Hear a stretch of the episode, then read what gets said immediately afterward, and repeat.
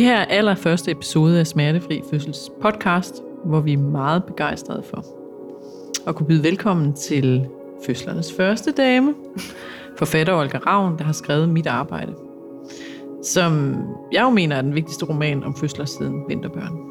Og du er også en vigtig stemme, Olga, for fødslerne og kvinders rettigheder. Olga, da du udgav din roman, så henvendte rigtig mange kvinder sig til dig for at fortælle om deres egne oplevelser. Hvad var det, de skrev til dig? Øh, jamen, altså, det er jo mange, mange henvendelser, så det er meget forskelligt, og det har også været, faktisk tror jeg, det allerede begyndt. Der var sådan et forskrab, et interview i You-Woman i juni eller juli, hvor at jeg ligesom sagde, at jeg havde haft en fødselsdepression, og det var sådan der, øh, det begyndte. Øh, med folk, der skrev, ligesom, jeg tror, jeg har en fødselsdepression, hvad skal jeg gøre? Øh, sådan noget der. Og så, øh, da bogen kom, og igen, da jeg øh, kom med et debatindlæg i politikken i begyndelsen af oktober. Og det er meget forskelligt. Altså, jeg tror, man kan sådan inddele det i nogle forskellige grupper. Øh, nogle er øh, kvinder, som er født for forholdsvis lang tid siden, altså for 10 år siden eller sådan noget, som lige pludselig sætter sig ned og ser på deres fødsel og tænker, hov, det var faktisk ikke særlig fedt og har behov for at fortælle mig, at jeg har sat den tanke i gang. Så er der andre, hvor man har sådan en følelse af, at der er gået hul på noget. Så er det meget lange mails, eller sådan beskeder på Instagram, om øh, sådan ret voldsomme og ret forfærdelige fødselsforløb. Øh, og så er der nogen, som beder om hjælp direkte. Øh, og, og så er der nogen, som skriver fra hospitalerne. Og det er ikke altid, jeg prøver virkelig at svare alle, men jeg, jeg prioriterer dem, der er på hospitalerne. Altså hvor de lige har født, eller deres partner lige har født. Ikke? Hvordan var det at få øh, de mails? Mm, altså, der var et tidspunkt, hvor at det ligesom peakede, hvor jeg blev nødt til at indse, at okay, jeg kan ikke svare alle. Altså, for det var virkelig mange, og jeg har også to små børn. Men bort, og det var sådan lidt svært egentlig at indse det. Men ellers så, så har jeg bare faktisk været sindssygt glad for det, fordi det har også sådan bekræftet mig i, altså min ensomhed er jo også blevet mindre af det. Og jeg har også været glad for nogle gange, at jeg sådan faktisk har kunne hjælpe rigtigt. Øh, eller sådan sige, sådan, du skal, I skal blive ved med at spørge min stue. Eller sådan øh, mm. De der ting, ikke? Hvor mange henvendelser har du fået? Fordi jeg fik sådan et indtryk, nu, det er fordi, jeg følger dig på Instagram, ja. og så så jeg stories noget. Jeg har fået henvendelse fra, skrev du flere hundrede kvinder? Altså, jeg tror tusind. Hold da op. Ja. Og altså, nogle af dem er jo bare sådan, din bog har betydet meget for mig, tak. Mm. Øh, og så måske sådan 200 af de der lange, og så altså i forskellige grader, ikke? Altså over tid, men altså det er jo også selvfølgelig, fordi Instagram og sådan noget, der er man lidt tættere på hinanden. Mm. Der er ligesom sådan fem, jeg har fået, hvor jeg har kunne mærke, at de har haft det svært. Og så har jeg sagt, eller fem sådan noget der, sådan, øh, du skal bede om hjælp. Mm. Og der er ikke nogen af dem, der har svaret igen. Så det, det, det er også noget, man bærer med sig. Eller sådan, jeg ja. tænker jo ligesom, jeg håber virkelig, hun er okay. Altså,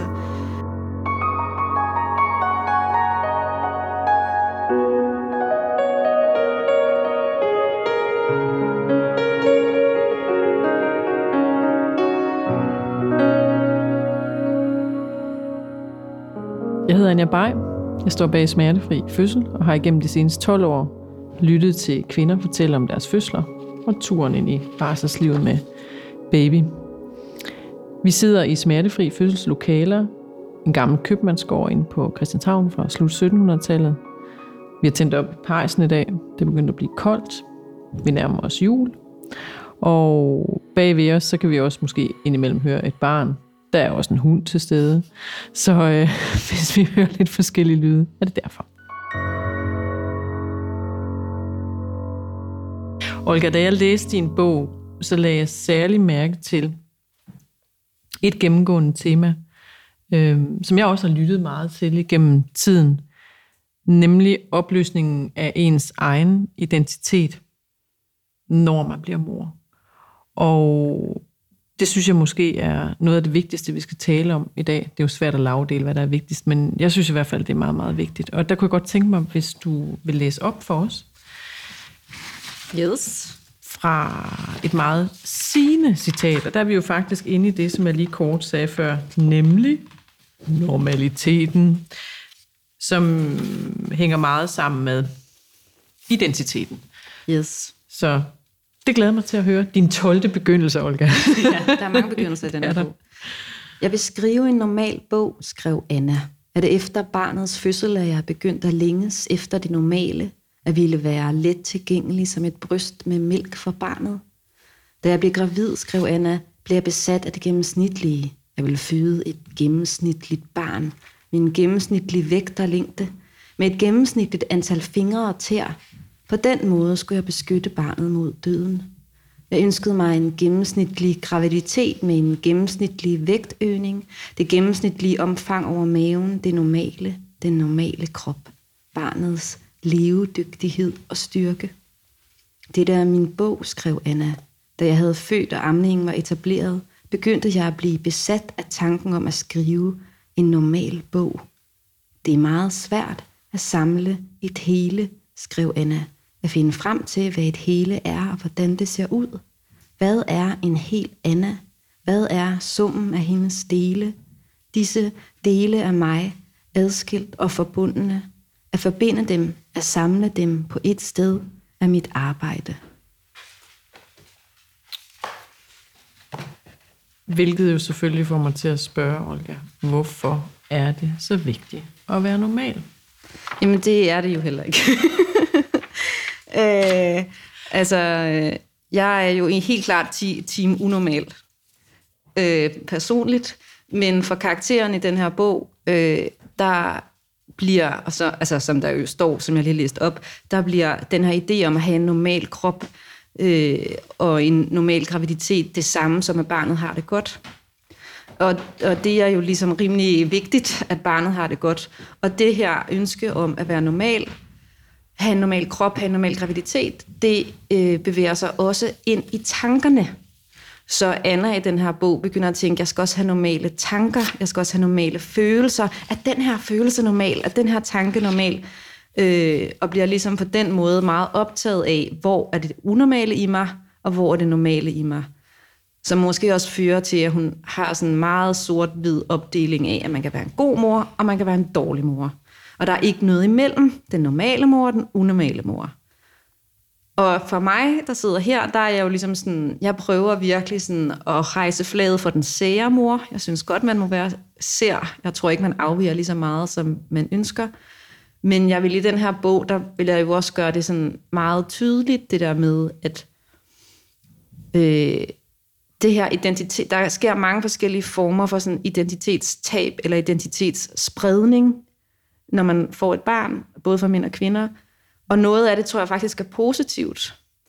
Men der er også ligesom det her med, at man bliver indsat i en rolle, som er givet af det store fællesskab, altså af samfundet på en eller anden måde, om hvordan man skal opfostre sine børn, og hvordan man skal være. Og det er en ret hård og meget, sådan, meget snæver rolle, man får der som mor, ikke? Uh, jeg synes, at det kan opleves næsten som om, man bliver frataget talens sprog, faktisk. Altså, at der er meget store dele af en selv, man ligesom skal pakke væk, øhm, for at få lov til at blive set som normal, for at få lov til at være med i fællesskabet. Og der er den her sådan konstante øh, monitorering af, øh, hvordan barnet vokser, eller øh, hvordan man selv vokser, jo med til det. Jeg er rigtig glad for, at man for eksempel er gået væk fra at kalde det for en misdannelsescanning, og nu kalder det en anden trimesterscanning. Det er et godt eksempel på at sige, i stedet for at se på afvielser, på misdannelser, på det ikke normale, så ser vi på noget andet. Ikke? Hmm. Er Anna en sær mor? Det ved jeg ikke. Det må være op til læseren. Det, det, kan jeg, det, det tror jeg, at puh, det, det, til tider.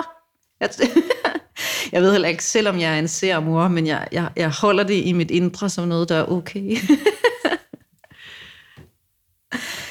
Kom det bag på dig, øhm, at samfundet er så optaget af morskabet, altså moderskabet i det hele taget? Altså, nej, på, ja og nej. Altså, intellektuelt vidste jeg det jo godt. Altså, der er jo ikke altså, vi har jo uanede mængder af historier, bøger, film, tv-serier, der handler om dumme mødre. Så jeg vidste godt, at det var et issue. Jeg havde også godt hørt om Freud, hvis I kender ham.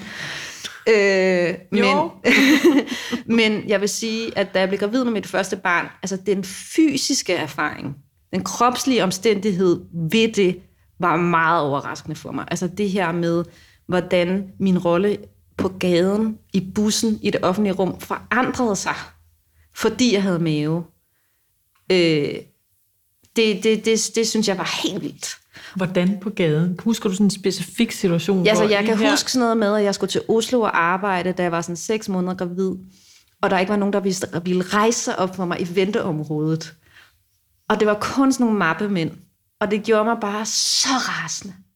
Og samtidig, så kunne jeg ikke finde ud af at sige, gider jeg godt rejse op, fordi jeg har bækkenløsning, eller begyndende. Anden gang, så var jeg bare sådan, kan jeg, jeg er gravid, flyt altså til alle.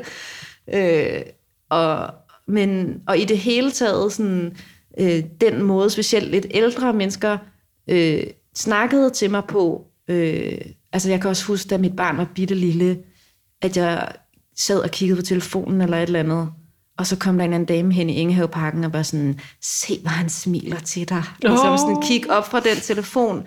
Og jeg var bare sådan, mm, okay.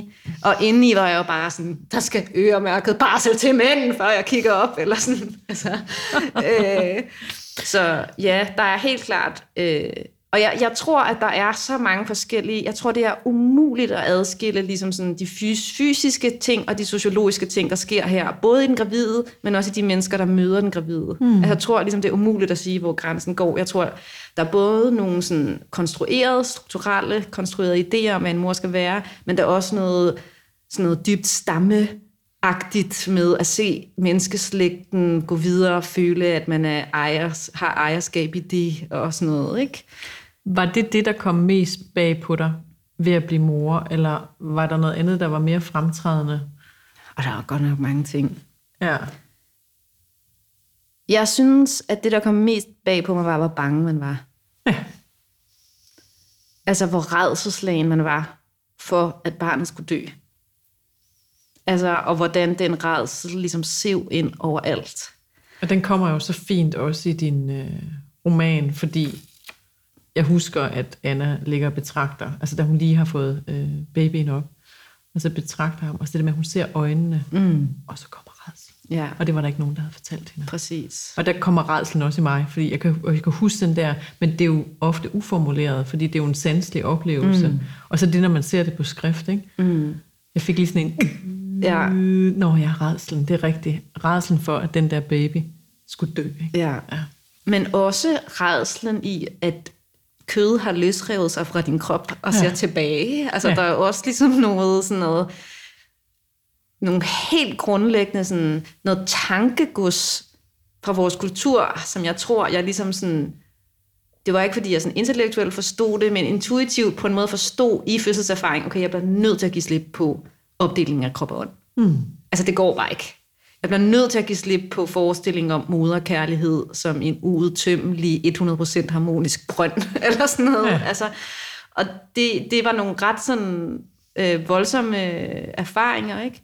Og, eller, eller jeg bliver nødt til at give slip på, at øh, min partner, som er en mand, og mig, vi kan gå hånd i hånd gennem det her. Mm. Øhm, selvom vi ønsker det. Præcis. Og så, så øh, men altså, jeg var, bare, jeg var bare simpelthen ved at dø af skræk. Og det, der blev desværre for mig med det første barn, det var, at jeg troede, at det var forkert. Mm. Jeg troede, det var unormalt. Mm. Jeg troede, at det var en øh, misdannelse, eller hvad man skal sige. Ja. Og derfor skammede jeg mig, og derfor sagde jeg ikke noget. Nej. Jeg, altså, og det, øh, det var det, som var med til at give mig en fødselsdepression. Og det er jo det, som så mange kvinder har genkendt hos dig, tænker jeg. Og det bringer mig videre til det næste, som jeg synes er øhm, utrolig genkendeligt, og det er jo højst sandsynligt ikke forbeholdt kun dig og mig, men det er øhm, senere i mit arbejde, hvor at Anna og Axel flytter fra København til Stockholm. Og udover det her skifte, der er i øh, Annas identitet, som er åbenlyst, hun går fra at være ikke forældre til at blive forældre, så sker der jo også et kulturelt skifte. Mm. Altså de, de laver en geografisk forflytning, som jo også spejler mm. hele identitetsskiftet. Men i høj grad også et relationsskifte i parforholdet. Mm. Og inden jeg siger mere, så synes jeg, du skal læse op fra side 86. Ja, øhm, så lort det der. må man sige det om din egen bog? Ja, det må man gerne. skal jeg læse op? Ja, ja. Det, er en, øh, det er en dialog imellem øh, manden og kvinden, Anna og Axel, mm-hmm. øh, som har fået det her barn sammen. Skulle du ikke til at gå lidt ud, lære byen at kende, møde nogle folk, sagde Axel. Jeg skal jo amme, sagde Anna. Du kan pumpe ud. Jeg kan ikke lide at pumpe. Tror du ikke også, du skal til at skrue lidt ned for amningen? Vi skal til at give ham grød nu. Han er alt for lille til grød. Det er et spørgsmål om tilvænding. Sundhedsstyrelsen anbefaler fuld amning de første seks måneder. Det svenske livsmiddelsværket skriver faktisk på deres hjemmeside, at man kan give barnet grød fra fire måneder. Giv ham nu bare til mig. Nej, han skal have grød først. Men han vil amme, jeg kan høre det. Hvad mener du, du kan høre det? På hans grød må jeg ikke godt amme ham? Okay, men så skal du også gå ud bagefter. Det skal jeg nok. Græder du? Men Anna, det er jo mig, der er på barsel nu. Jeg har alligevel ikke noget arbejde her. Skal du ikke skrive? Jeg er klar til at være uden ham. Er det her tragisk, eller er det komisk? Ja, det er fandme et godt spørgsmål. Begge dele. Altså, det kommer an på, hvilket perspektiv man anlægger. Altså, øh, det som sådan sker i den her scene, og som lige i, i de øh, kapitler, der ligger rundt omkring det, det er, at Axel har godt opdaget, at Anna har det svært. Øh, og i sådan et misforstået forsøg på at hjælpe hende, prøver han faktisk sådan lidt at skubbe hende ud af redden, hvis man kan sige det på den måde. Og tænke, jeg skal nok tage det der barn lidt, fordi han kan jo godt se, at da barnet kom, fik hun det svært. Men det er bare sådan det helt forkerte. Øh, og det kan Anna ikke finde ud af at forklare ham. Mm. Hun, har, det, hun har brug for, øh, når vi snakker om fødselsdepression, så, så taler vi tit om, at der er problem med tilknytningen. Og alle, der får et barn, skal jo igennem en eller anden rejse, hvor man, man knytter sig til barnet, og det var sikkert hele livet. Øh, og derfor har Anna faktisk enormt meget brug for at være tæt på barnet, og mm. have en mm. oplevelse af, at hun godt kan finde ud af det. Mm. Men Axel kommer desværre hele tiden til at bekræfte hende i, at hun ikke kan finde ud af det. Men har Axel ikke også brug for den oplevelse, at jo. han godt kan finde ud af det? Jo. For det er jo umiddelbart positivt. Øh, den her scene fortsætter jo faktisk med, at de nærmest slås om barnet. Altså, ja, ja, de slås om at, at, at tage og gylde dem op. Præcis, også det.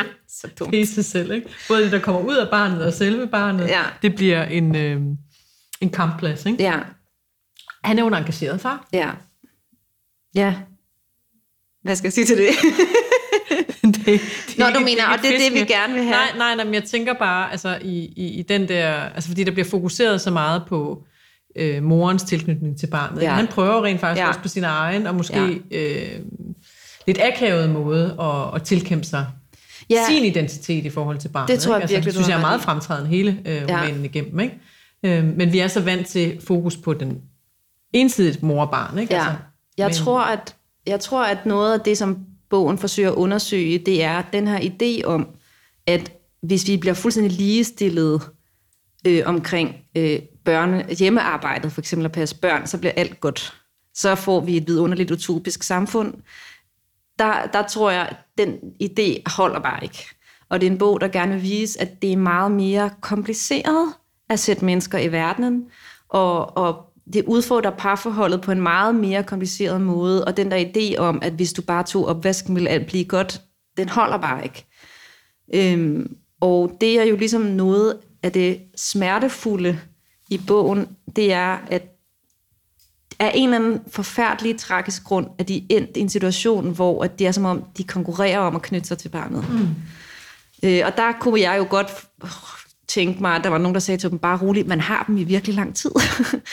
Øh, men der er den der redsel, og jeg tror, at de begge to forsøger at stille den redsel i, i forsøget på at, at knytte sig til barnet. Mm. Og der kunne, de skulle måske kigge lidt mindre på barnet og kigge lidt mere på hinanden, ja. tænker jeg. Altså, det er jo nemt at sidde og være psykolog for min egen bog, ikke? Men... Øhm, Tror du, det kommer bag på mange, at øh, ligestillingen har så svære kår, når man får en ja, baby? jeg tror, det er et kæmpe chok. Mm. Og jeg tror, at rigtig mange ja, Stine Pilgaard i sin bog Meter i sekundet har sådan en fantastisk afsnit, hvor hun taler om urvreden, som rammer alle kvinder, der føder. Øh, og jeg tror, at, at den der sådan, det der store chok ved, at man må gå gennem fødslen alene, eller man gør det måske sammen med barnet, øh, er meget, meget voldsomt. Blandt andet fordi den historie ikke findes tydeligt nok i vores kultur. Mm. Jeg tror, at den voldsomhed kunne vendes til en styrke, hvis man vidste det. Og det er selvfølgelig også derfor, jeg er interesseret i at lave kunst om det, fordi jeg tror, at det er gennem kunsten, at vi har størst chance for at forstå erfaringer, vi ikke selv har haft. Ja, fortællingen. Ja.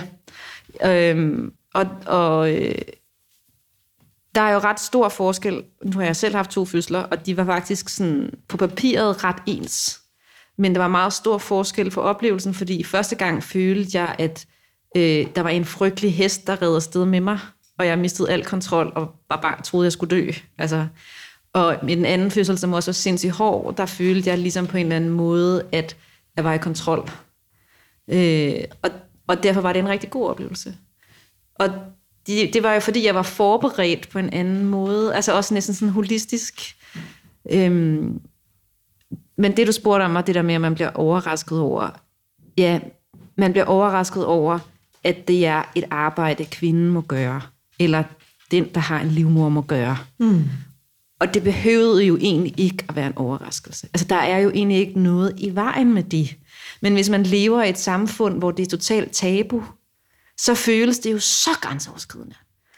Øhm. Eller hvor det er usagt, tænker jeg. Altså spørgsmålet er, hvor tabuiseret det er, men folk taler jo ikke med hinanden om det. Men det gør det jo ikke nødvendigvis, det er tabu, det er bare usagt. Og det er jo der, hvor kunsten kommer på banen, tænker ja. jeg. Det er der, hvor litteraturen kan noget, ikke? Fordi vi kan jo ikke drage os en erfaring, inden vi har den erfaring, men vi kan have en fortælling om en ja. erfaring, ikke? Altså jeg tænker øhm. også, at det der identitetstab, du taler om, nu prøvede jeg selv at sige sådan identitetsspredning. Mm. Altså jeg synes faktisk også, at der er et meget sådan vidunderligt i potentiale i den der identitetsudvidelse. Altså for eksempel det der med sådan, okay, når man er gravid, så har man to hjerter. Ja. Altså helt konkret.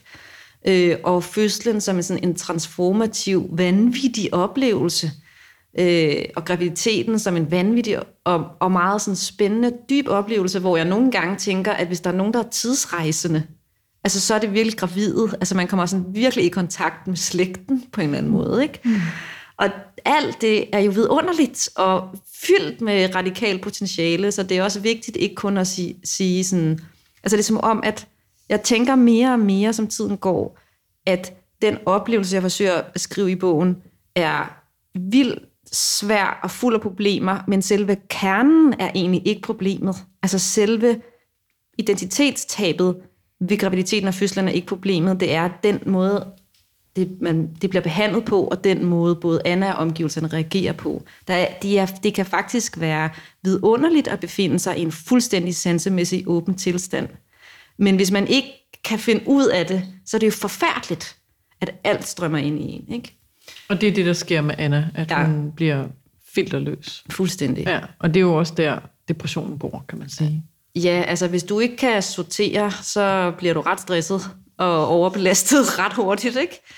Øhm, hun er jo også virkelig læser utrolig mange nyheder på et tidspunkt i bogen, som sådan en slags forsøg på at fokusere på noget, men det gør det bare endnu sværere for hende, ikke? Præcis det var meget sjovt at have skrevet det, og så efter det kom corona, og så steg ens nyhedsbehov og forbrug bare helt vildt. Ikke?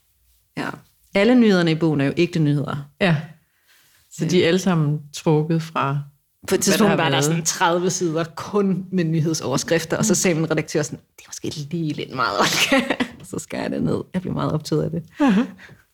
Et spørgsmål, jeg virkelig har glædet mig til at stille dig, Olga, øh, det er, hvad du synes er det vigtigste oprør for kvinderne i 2020 øh, inden for fødsler. Og her laver jeg lidt samme greb på dig, som kvinderne gør, ikke? fordi jeg går over til dig, som om, at du var en autoritet, ja, ja, ja. der havde et øh, formfuldt svar på det her, men du må have gjort dig nogle tanker. En lille forhistorie til lytterne er jo også, at der kom jo et fantastisk spin-off efter, at du udgav mit arbejde, nemlig at du skrev en kronik i politikken, hvor du satte fokus på de øh, mentale og fysiske laster, som kvinder øh, er igennem under fødslen, og du mener, det kunne være anderledes. Øh, og møderhjælpen gør det efterfølgende, at de laver faktisk et manifest, som man stadigvæk meget bekendt kan gå ind og skrive under på. Ja, ja. Jeg tror, det er den største underskriftsindsamling, de har haft i mange år. Præcis. Altså den med flest underskrifter. Men Og den skal man stadig bare, man skal bare søge på hashtag trykfødsel. Fordi Præcis. nu flere stemme, underskrifter den får, nu større chance er der for at rykke politikerne. Ja, og en større stemme kommer der ligesom i det. Men når du kigger ned af, øh, eller du ser tilbage på det forløb, hvad synes du så er det vigtigste? Øhm, hvis vi skal have noget forhåbning ind i det her, det er jo det, jeg godt kunne tænke mig. Altså, jeg tror, vi bliver nødt til at se på fødslen som noget, der ikke kun var et døgn. Mm. Altså, jeg tror, vi bliver nødt til at se på graviditet, fødsel og det, man kalder postpartum-perioden. Jeg sidder og kigger på Som er dig, som tiden du efter aldrig har tænkt over det her før, du ved. Jeg Ja, synes men meget bare om for, at vi også lige tager nogen i hånden, ikke? Ja, Fordi ja, det er jo tiden altså- efter fødslen, vi oplever der Ja, altså, postpartum, ikke? Ja. de, specielt de første to måneder. Altså, jeg tror, det er meget vigtigt, at man ser på det som en periode. Og altså, en af mine store drømme er jo, at man havde den samme, eller måske de samme sådan to-tre mennesker gennem hele vejen, som fulgte dig i din graviditet, som var på hjemmebesøg hos dig, som var der, når du fødte, som var der i dagene efter, øh, og som var og besøgte dig faktisk altså længe derhjemme. Øh, og jeg kunne også godt, altså sådan, jeg synes også, at det kunne være ret fedt, at nogle af de der hospitals, jeg er ikke nødvendigvis sådan en, man skal bare øh, ligge på hospitalet i en vild lang tid. Jeg tror virkelig på hjemmets kraft, men jeg kunne godt tænke mig flere hjemmebesøg for jordmødre, og jeg kunne godt tænke mig mindre fødesteder. Altså maks øh, f- øh, 4.000, mm. har jeg hørt en klog person sige. Mm. Så hele det her spørgsmål om at have kontinuitet, kontinuitet i øh, oplevelsen, tage kvinden, den fødende, med på råd. Øh, og i det hele taget, så man har en følelse af, det her, at jeg, altså, så den der følelse af patientliggørelse bliver mindre, fordi det er også der, hvor man kan blive meget fremmedgjort. Øh, og hvis man skal starte sådan lidt mere lav, kan man sige sådan, okay, flere hænder på fødegangene. Ja, så altså lige nu hænder. er det jo sådan noget med, at jordmødrene har et eller andet en til to fødsler om ugen, fordi de skal varetage så mange andre opgaver, som ellers personalet er blevet sparet væk til. Altså så skal det meget, meget, meget dyre portører. Den der toast, de står og smører, en meget dyr timeløn, ikke? Øh, så i det hele taget sådan en, en mere, en større og mere, øh, jeg kunne også godt tænke mig flere ressourcer til sundhedsplejerskerne. Jeg tror, de har rigtig svære arbejdsvilkår. Og så kunne jeg jo i det hele taget godt tænke mig, at den her samtale, vi har nu, bredt sig ud. Mm. At det blev noget mere normal og grundlæggende viden, at en fødsel er en transform, altså det er som at stå i en portal. Det kan være lykkeligt, det kan være ulykkeligt, man kan være bange, man kan være høj. Altså sådan, alle følelser er der mm. plads til. Mm. Så vi udvider vores fortælling om, ja. hvad det er. Øh, det, det, og så kunne jeg godt tænke mig, at der var nogle flere, der forskede i det. Mm. Altså, kan, kan de forske i, hvorfor man får øh, øh, svangerskabsforgiftning noget mere? Altså sådan, i det hele taget, så er jeg bare ret træt af det der med, at der er så meget, vi ikke rigtig ved. Mm. Jeg kunne simpelthen bare godt tænke mig, at... Øh, altså fordi jeg tror, det vil blive meget nemmere. Mm. Ja, så sådan en fyldighed og nuancer og et sprog, så vi faktisk sidder og taler om det hjemme over køkkenbordet. Det er vigtigt, det her. Og det var faktisk noget af det, som jeg tænkte, dengang jeg så øh, den medvind, som din udgivelse fik, mm. hvor jeg tænkte, det der, det var ikke sket for 10 år siden. Der var ikke samme fokus på området. Der var Mm. ikke, altså, du, har fået noget, du har fået noget medfart, som også lå i, mm, i det tiden. tror jeg, du som, ret i. Så jeg, jeg tror, samtalen allerede er begyndt. Ja, Øh, det, er det ene tror ting. jeg også. Olga, hvis vi lige vender tilbage til sådan en opsummering, kunne jeg godt tænke mig af, hvis vi går ind på møderhjælpen og skriver under, fordi jeg synes, det på mange måder øh, opsummerer de tematikker, der er i din roman, øh, såvel som at det der sted kom hos møderhjælpen. Hvad er det så præcis, vi går ind og skriver under på? Hvad er det for nogle krav, vi har til politikerne, når vi går ind og skriver under øh, på det her manifest? Ja, altså jeg skal jo starte med at sige, at jeg har ikke været med til at skrive det her manifest, men jeg synes bare, at det er meget fornuftigt. Mm. Øh, jamen, de har et manifest for en tryg fødsel, og der har de så øh, seks forskellige krav, som jeg synes er meget fornuftige. Det første, det er gratis adgang til fødselsforberedelse i små hold. Og det her med gratis er jo vigtigt blandt andet, så at alle har lige tilgang til fødselsforberedelse, så der ikke er ulighed i, ligesom om hvis man er fattig, så har man måske ikke råd til det. Øh, og selvfølgelig i små hold hentyder til, at der har været tendens til at have sådan nogle store auditorie forbered, fødselsforberedende hold. Ikke?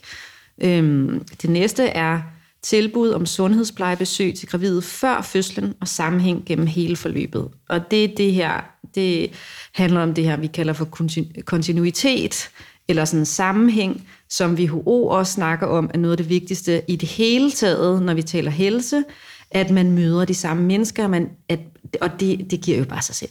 Altså det er jo meget bedre at se på sine behov, hvis man ikke skal lære hinanden at kende hver gang. Øh, rigtig mange af de øh, grummeste historier, jeg har fået fra fødsler, er øh, kvinder, der ikke bliver lyttet til. Altså, hvor sundhedspersonalet simpelthen ikke tror på dem, når de siger, at de er pressefasen. Altså for eksempel sådan noget der. Ikke? Og det, for, hvis man kender hinanden, er den rimelig hurtigt løst.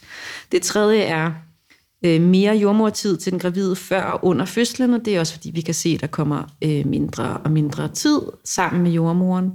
Øh, hvis man bliver sendt tidligt hjem fra fødslen, for eksempel under det, der hedder den ambulante fødsel, så skal der komme en jordmor hjem til dig, men det er ikke altid, hun har tid til at tjekke din præstning.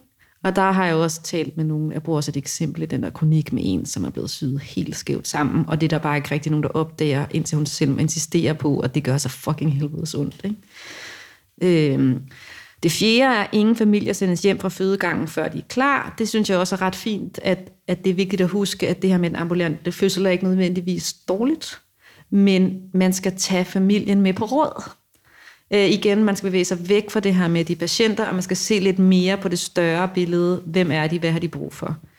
Øhm, det femte er gratis hjælp hele døgnet til at komme i godt i gang med amning. Og det er jo også sindssygt spændende. Det er jo virkelig noget nyt i min generation, det her, at der er kommet så mange problemer med amning. Altså, der er kæmpe stigning i genindlæggelser med brystbetændelse, og der er rigtig mange, der får sådan en dårlig begyndelse, specielt med det første barn, fordi at de ikke kan finde ud af at amme. Øh, og det hænger direkte sammen med alt muligt, som jeg synes er enormt spændende om det her med at blive sendt hjem tidligt fra hospitalet, vores familiestruktur er anderledes, vores naboskab er anderledes, vores bedsteforældre går stadig på arbejde, øh, og der har aldrig været så vellykket ammeforløb som siden corona. Nej, nemlig, og det er så interessant. Tiden roen langsomt. Præcis. Læg i sengen og lave hud mod hud Øh, og jeg, jeg tror, når de siger gratis hjælp hele døgnet, så kunne jeg forestille mig, at det er noget med nogen, der kan komme ud, eller nogen, man kan ringe til, eller et eller andet. Det kan man jo sikkert spørge nogle eksperter om, hvad der er bedst. Og det sidste øh, råd er gratis hjælp til alle familier med psykiske efterviger.